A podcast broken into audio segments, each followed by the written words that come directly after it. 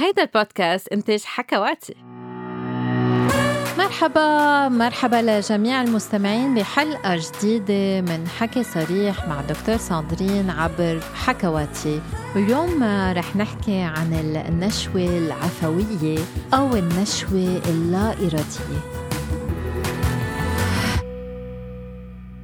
هل معقول أنه تحدث النشوة من دون أي تحفيز جنسي؟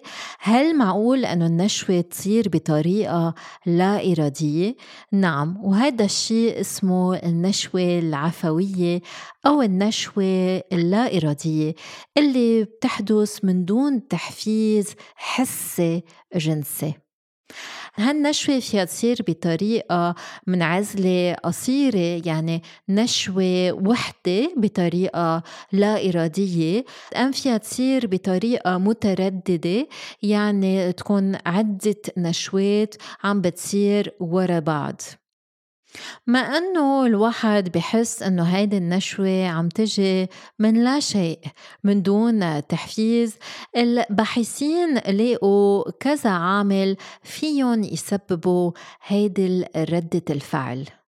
في بعض الأشخاص رح يقولونا بس هذا الشيء إيجابي إنه الواحد يكون عنده نشوة عفوية.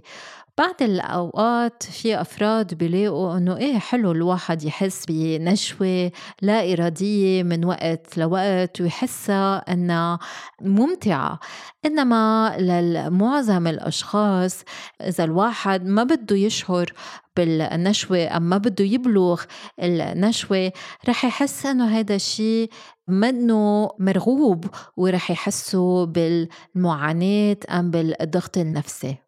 ليش؟ لأنه هالأحاسيس رح تجي بأوقات مش مناسبة يعني الواحد في يكون نايم ويحس بالنشوة في يكون عم يشتغل ويحس بالنشوة ويحس إنه النشوة عم بتعيق السلوك تبعوله إن كان النوم أم الشغل أم بركة غير أنواع من النشاطات بعض الأشخاص بيقولوا كمان إنه النشوة العفوية بتسبب لهم وجع جسدي وما بتسمح لهم إنه ينبسطوا بالجنس مع الشريك. هل هالشي شائع؟ بالحقيقة ما منعرف قد هذا الشيء بصير خاصة إنه الأمر كتير محرج ففي كتير أشخاص بفضلوا ما يعترفوا إنه فيهم يحسوا بالنشوة بطريقة لا إرادية إن كانوا ذكور أم إناث إنما شو اللي بيسببه؟ هون كمان الجواب منه واضح إنما مثل ما قلت بأول الحلقة في بعض العوامل فيها تسبب هيدي ردة الفعل الجسدية. وحدة من الأسباب هو اضطراب الإثارة التناسلي المستمر. هذا الاضطراب هو موجود عند بعض الأشخاص اللي رح يحسوا بمشاعر جنسية أم بإثارة عضوية تناسلية من دون ما يكون هن عم بيمارسوا الجنس. عادة هالحالة بتسبب نفس الأحاسيس الواحد بيشعرها بس يكون مستثار الإثار إنما ما بيكون في أي سبب للإثارة الجنسية. بمعنى بيصير في تدفق دم بالأعضاء التناسلية إن كان القضيب أم الفرج والمهبل عند المرأة. الواحد بحس بضغط بالأعضاء التناسلية والأشخاص اللي عندهم عضو ذكري فيهم يحسوا بالانتصاب والأشخاص اللي عندهم فرج فيهم يحسوا بالانتفاخ بالفرج. هالمشاعر بس الواحد يكون عنده هيدا الاضطراب؟ فيها تضاين من ساعات لأيامات وعادة بتسبب معاناة نفسية كتير قوية. وبالرغم إنه بلوغ النشوة في شوي يخفف من هالأحاسيس إنما من بعد النشوة دغري هالأحاسيس بالإثارة الجسدية بترجع مع إنه ما في ولا أي سبب كرمال الواحد يحس بإثارة جنسية.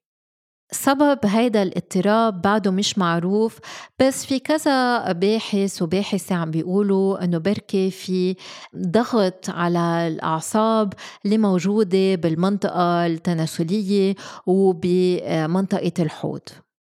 غير عوامل فيها تسبب نشوة عفوية أو لا إرادية هي العوامل اللي بتخلي الواحد يكون مش واعي. يعني مثلا النشوة اللي بتصير أثناء النوم.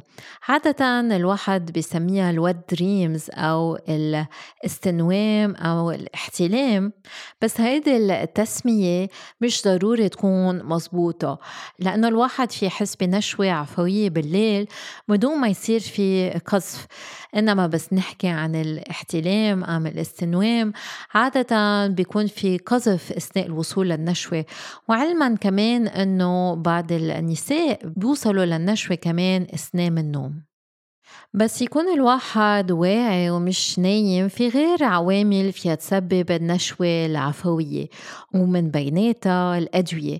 في بعض الدراسات فرجت أنه أدوية الباركنسون مش بس بتزيد الرغبة الجنسية بس كمان فيها تسبب نشوة عفوية بدون تحفيز جنسي.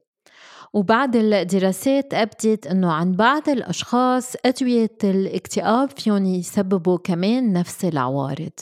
وفي دراسات فرجت إنه بس الواحد يتعاطى بعض المخدرات مثل الحشيش مثلا في كمان يشعر بنشوة عفوية من دون تحفيز جنسي.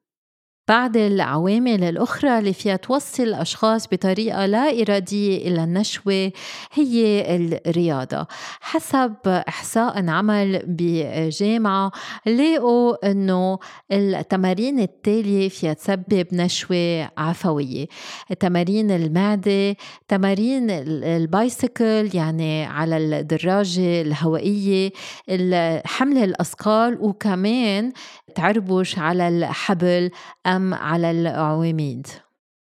آخر عامل فيه يسبب النشوة العفوية هي الولادة. بعض الأشخاص بحسوا بالنشوة بس يولدوا وبعض النساء كمان بحسوا بالنشوة بس يكونوا عم بيرضعوا أطفالهم. هل فينا نوقف أم نمنع النشوة العفوية؟ الجواب هو حسب شو السبب. يعني إذا أنتوا عرفتوا شو السبب اللي هو عم بحفز النشوة العفوية نعم فيكن ساعتها تتفادوا هيدي النشوة. يعني إذا بتوصلوا للنشوة أثناء الرياضة فيكن توقفوا هالنوع من الرياضة. إذا بتعانوا من اضطراب الإثارة المستمر بالأعضاء التناسلية ساعتها في بعض العلاجات فيها تنعمل كرمال تخفف هذه الحالة منا أدوية للأعصاب أدوية للأوجاع العصبية وأدوية الاكتئاب. وإذا هو التوتر أم الستريس هو اللي عم بيسبب الوصول للنشوة العفوية ساعتها التقنيات اللي بتسمح الاسترخاء هي اللي فيها تساعدكم مثل اليوغا والتأمل. ما تنسوا تمارين الرياضة المشي تمضوا وقت مع الأصحاب وقول استماع إلى الموسيقى.